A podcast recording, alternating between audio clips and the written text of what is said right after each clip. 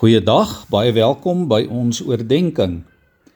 Dit was die skrywer en teoloog Eugene Peterson wat gesê het niks in die lewe is belangriker as wat ons van God glo nie. En dit wat ons van God glo word ook weerspieël in die manier hoe ons bid. Liewe vriende, 'n kerk wat nie bid nie is 'n kerk wat ook nie kan werk nie. Wat nie kan funksioneer nie en daarom het Jesus sy disippels aangemoedig om te bid. Hy het vir hulle die versekering gegee dat die Vader vir hulle sal gee wat hulle in sy naam vra. Ons lees dit in Johannes 14 vers 13. Ja ware gebed is skepend. Dit bring realiteite tot stand.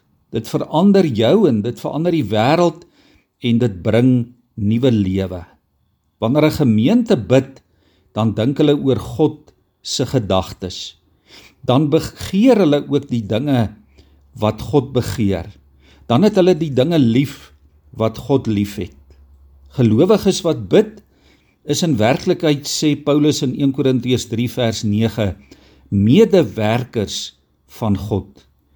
In hierdie eeue sien ons dat die kerk ervaar het dat die gebed van gelowiges 'n kragtige uitwerking het om selfs dit wat onveranderlik is, dit wat dalk menslik gesproke onmoontlik lyk, te verander en moontlik te maak.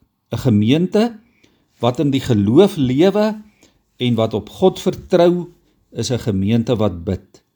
En hulle sal dan ook beleef dat God deur sy krag dinge ten goeie sal verander.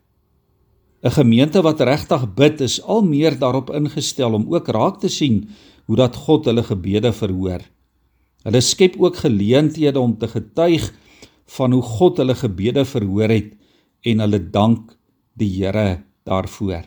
Daar is niks wat ons geloofslewe die die geloofslewe gaan van 'n gemeente so versterk soos die getuienis oor gebede wat verhoor is nie. As ons vir mekaar en vir die wêreld kan vertel hoe dat ons beleef dat God ons gebede verhoor, dan versterk dit nie net ons geloof nie, maar dan roep dit ook ander mense op om self in geloof aan God vas te hou en op God te vertrou.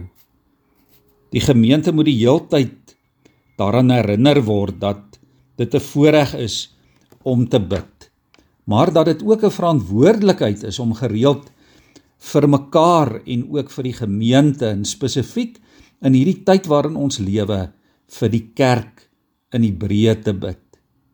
En liewe vriende, hierdie opregte gebede sê die woord in Openbaring 5 en ook in Openbaring 8 vers 3 3 tot 4 sê die woord ons opregte gebede is soos 'n wierook op offer waardeur God verheerlik word, waardeur sy koninkryk uitgebou en uitgebrei word.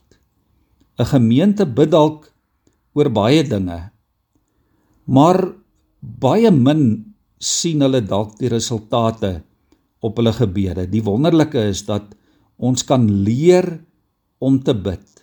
Ons kan leer om naby God te leef. Dis ook deel van 'n proses van God beter leer ken.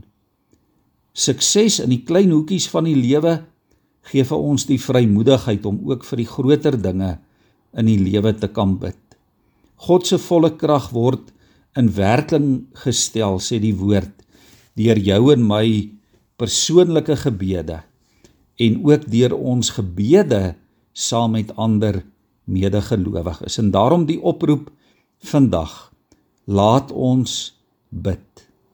Kom laat ons weer 'n biddende geloofsgemeenskap word. Gelowiges wat bid vir mekaar, vir die kerk en vir die wêreld.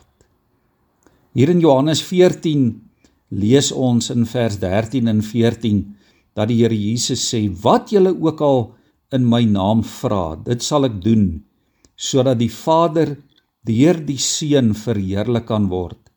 As julle my iets in my naam vra, sê die Here, sal ek dit doen. Kom liewe vriende, ons bid saam, ons buig in gebed voor die Here. Hemelse Vader, Ons kom vandag om vir U dankie te sê opnuut weer vir die voorreg van die gebed. Here, ons bid ook vir die geloofsgemeenskap. Ons bid dat U vir ons opnuut as gemeente, as kerk 'n geloofsywer sal gee. Here, maak van ons 'n gemeente wat leef uit die krag van gebed. Lei die leiers in u kerk, Here. Die leiers ook in ons onderskeie gemeentes om mense te wees wat in biddende afhanklikheid voor u lewe. Leer vir ons Here om in afhanklikheid van u ook leiding te neem en leiding te gee.